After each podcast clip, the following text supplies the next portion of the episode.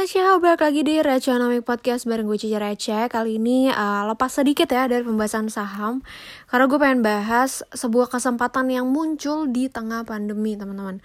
Mohon maaf ini sebenarnya bukan uh, mengambil kebahagiaan di atas penderitaan orang Tapi memang ini adalah uh, apa ya bisa dibilang sebuah nilai plus atau sebuah uh, keuntungan tersendiri buat orang yang udah siap-siapin, yang keadaannya masih stabil di era pandemi ini, ini adalah sebuah kesempatan yang bisa diambil. Jadi bukan mengambil kesenangan dari kesusahan, tapi sama-sama membantu. Apakah itu? Itu adalah properti teman-teman ya.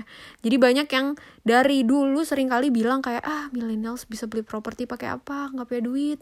Gaji cuma 3 sampai 5 juta. Apa yang bisa kebeli? Ya gue merasakan itu ya. Gue pernah mendengar kata-kata itu dari banyak orang.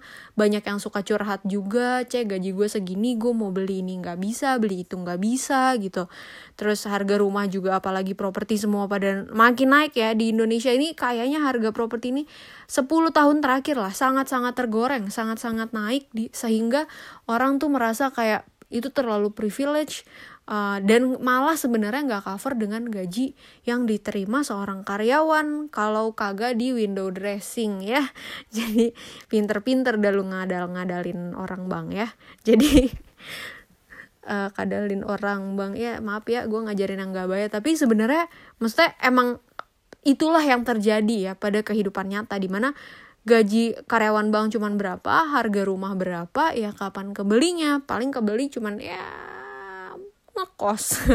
Oke, jadi ini sebenarnya ada suatu kesempatan yang gue saranin kalian ambil di eh, momen-momen sekarang, tahun-tahun sekarang di mana kesempatan mumpung ada.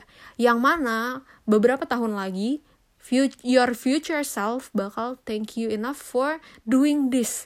Karena uh, belakangan ya di era pandemi gue banyak mendapati orang menjual aset berupa properti. Kenapa? Karena dia butuh cash.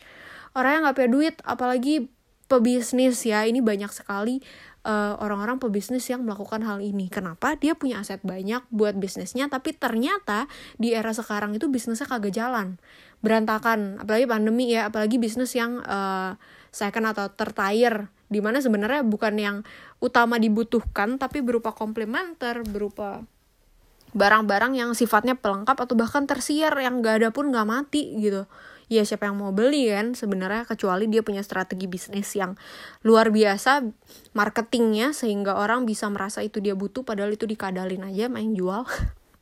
Ya jadi banyak uh, perusahaan dan perorangan bisnis yang kesulitan sekali apalagi mereka punya hutang di bank misalnya. Mereka sampai harus rela menjual asetnya demi lunasin hutang karena kalau nggak naik lelang juga sama aja bakal dijual. Jadi akhirnya ya mereka lepas aset untuk melunasi hutang atau bahkan ada yang juga jual aset cuma buat uh, membiayai hidup. Teman-teman gila nggak sih? Wah gue sampai nggak kebayang sih. Ada sampai seseorang yang uh, sempat gue tahu gitu dia harus menjual rumahnya dan tidak punya uang lagi untuk biaya hidup bahkan untuk ngontrak. Kebayang gak lu gimana tuh orang? Kayak, wah gila sih. Tapi gimana dari sisi orang yang mau ngebeli rumahnya? Cuan, kenapa? Nih orang lagi BU.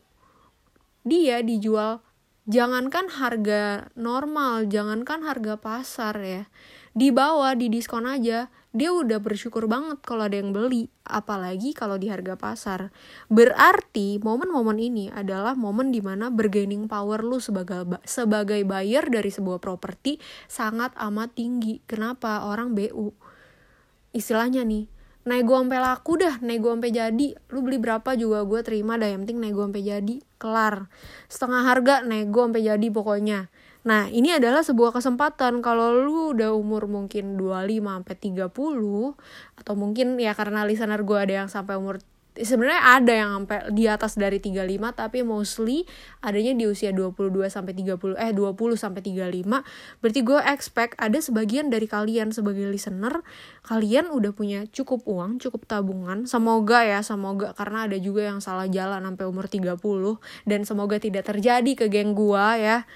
Nah, berarti kalian udah punya uang nih buat bisa minimal ambil DP buat ke propertinya.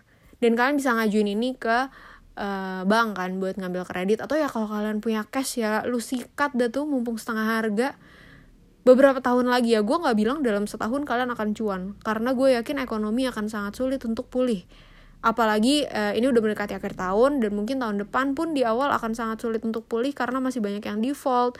Uh, kebijakan pemerintah juga restruktur hanya satu tahun gitu. Gue bayangin tahun depan masih bisa meledak lagi efeknya. Tapi minimal minimal dalam tiga tahun sampai lima tahun ke depan ketika properti udah pulih lu beli udah harga di bawah nanti 3 sampai 5 tahun ke depan misalnya dalam jangka terus 3 5 tahun ngapain? Dianggurin. Ya kalau lu nggak tinggalin lu kontrakin. Orang banyak yang masih butuh tempat tinggal. Kalau dia jual rumahnya bukan berarti dia nggak butuh tempat tinggal guys. Jadi keep that in your mind.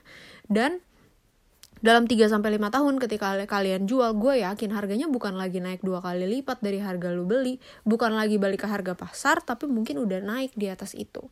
Dan secara keuntungan ya, properti dengan nominal misalnya lu beli 300 juta, dalam 3 sampai 5 tahun balik jadi misalnya dua kali pun jadi 600 juta lu kerja di kantor mana yang bisa ngasih duit 300 juta dalam waktu 3 tahun? Kagak ada wa. Ya kan? Jadi lumayan banget teman-teman.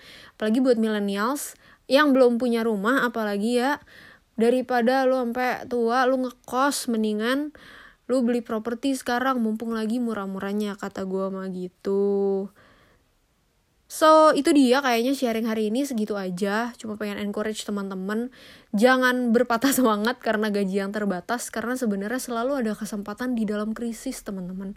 Percayalah pada eh, kata-kata Mandarin ya Di mana krisis itu artinya uh, Depannya memang artinya krisis Belakangnya artinya cuan ya. Jadi karena setelah krisis kita akan mendapatkan cuan teman-teman. So semangat mencari cuan. Thank you so so much for listening to this podcast. I'll see you guys on my podcast. Bye